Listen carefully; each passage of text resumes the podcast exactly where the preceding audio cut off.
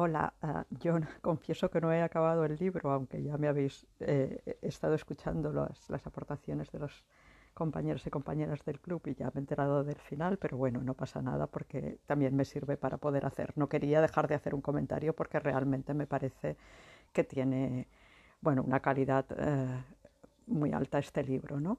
Realmente, bueno, no sé dónde he leído que, que el autor es, es, un erudito y hace gala de su erudición de alguna manera el, el Dani, el, el, protagonista, también es un poco, ¿no? Es erudito, un poco raro al que la gente no acaba de, de, entender, pero que yo creo que es capaz de mirarse la vida, pues, desde fuera, con la, con la, bueno, con la cordura de un sabio, pero tampoco de una persona insensible, sino por el contrario de una persona eh, muy sensible y humana. Eh, bueno, sigo en, en el siguiente. Como acaba de decir Manuela, es que yo creo que todo el libro es una perla, es un libro que te has de leer despacio porque tiene muchísimas eh, frases que te llevan a, reflexionar, es casi un ensayo sobre tantos temas que, verdaderamente habría que, bueno, que leérselo con mucha calma y, le, yo, bueno, no he podido. Pero empecé a, escribir algunas cosas sobre lo que pensaba de la guerra que me parecía tan acertado, aunque yo no haya estado ni tenga ni idea, pero es la sensación que tengo yo, no? Ponia, jo vaig lluitar a infanteria i la major part del temps no sabia ni on era ni el que feia. Em limitava a obeir ordres i a intentar que no em matessin d'alguna de les diverses maneres possibles, totes horroroses. I després parlava dels altres companys, no? I deia, i cap d'ells no tenia una idea aproximada dels motius de la guerra. És que jo crec que és molt trist, però que, que era així, no? I que és així en moltes guerres. También escribí eh, este, esta otra perla antes de, de, llegar a la conclusión de que no podía escribir todas las perlas porque no acabaría nunca. Però bueno, esta la escribí. Era un avorriment nascut de la ruptura en tot el que fa que la vida sigui agradable, que desperti la curiositat o que augmenti l'amplitud dels nostres sentits. Era l'avorriment d'haver de fer tasques inacabables sense interès sense interès i d'adquirir habilitats de les quals es pot passar perfectament sense tenir-les.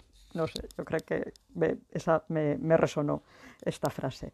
Eh, bueno, es verdad que a veces el tema parece un poco rocambolesco, ¿no? La, la, famosa bola de nieve y la señora Dempster, que es un personaje realmente curioso, porque al principio parece una mujer muy, muy especial, pero bueno, supongo que se vuelve totalmente loca más que por la bola, quizás por, por el hecho de que su hijo se va de casa, su marido se muere, bueno, no sé, me, me un poco intrigado este personaje, porque luego ya queda pues que no tiene ningún, ningún papel activo.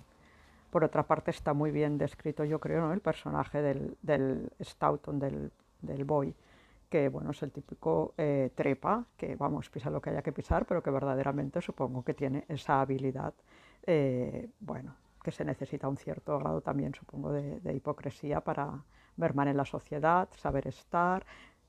Me hace gracia cuando a él le, re, le, retrae, le echa en cara, ¿no? Como que va vestido de unas maneras que no, que como va a ser así un director, por favor, un director tiene que, cuando lo importante, pues supongo que está dentro, no en el aspecto, pero evidentemente para el Stoughton, luego también lo de la educación sexista, ¿no? Cuando la niña tiene que ser así y el niño como no sea tal, pues bueno, no va a llegar a ninguna parte. Es verdaderamente una persona, bueno, quizás muy extrema, pero debe haber unos cuantos como, como él, me imagino.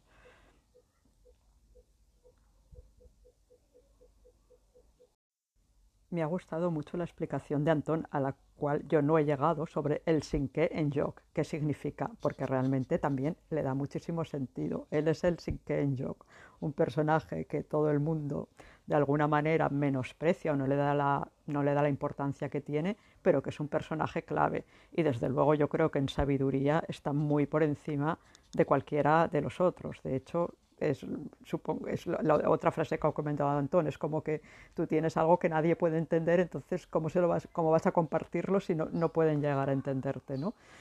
Pero por otra parte, bueno, es en cierto modo también humilde, ¿no? o al menos no quiere hacerse notar. Eh, porque yo creo que él es consciente de, de, esa sabiduría que tiene un poco por encima de, de, la gente que le rodea. Lo que pasa es que le mata la culpa, es que es brutal como, como, esa culpa le, asfixia y, vamos, y no le deja vivir. en relación con el tema de la culpa me llama la atención que en un pueblo tan pequeño, no sé cuántas religiones había, cuatro o cinco religiones, ¿no? Y bueno, creo que la religión es uno de los temas que, que él trata en el libro. También hace un poco un repaso a la historia, ¿no? Hablando pues de la primera, las, las dos guerras mundiales, eh, bueno, toda la historia entre Canadá y Inglaterra, porque están como muy relacionadas. Y, y bueno, también eh, también el tema de la, de la, magia, de lo inexplicable. Bueno, la magia en realidad él sabe cuáles son todos los trucos, ¿no? Pero si no, pues el misterio de los santos es como que necesitamos cosas que no acabemos de entender para, bueno, no sé, es, es otro de los temas para mí de, del libro. La, el misterio, eh, esas cosas, bueno, que el ser humano a veces necesita para, para tener, no sé, una trascendencia, algo a que agarrarse, no sé.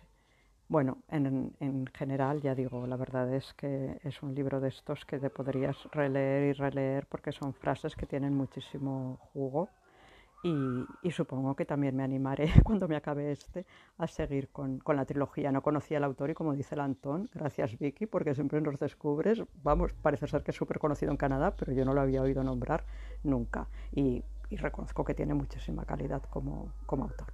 Feliz verano a todos y todas y hasta la próxima trovada.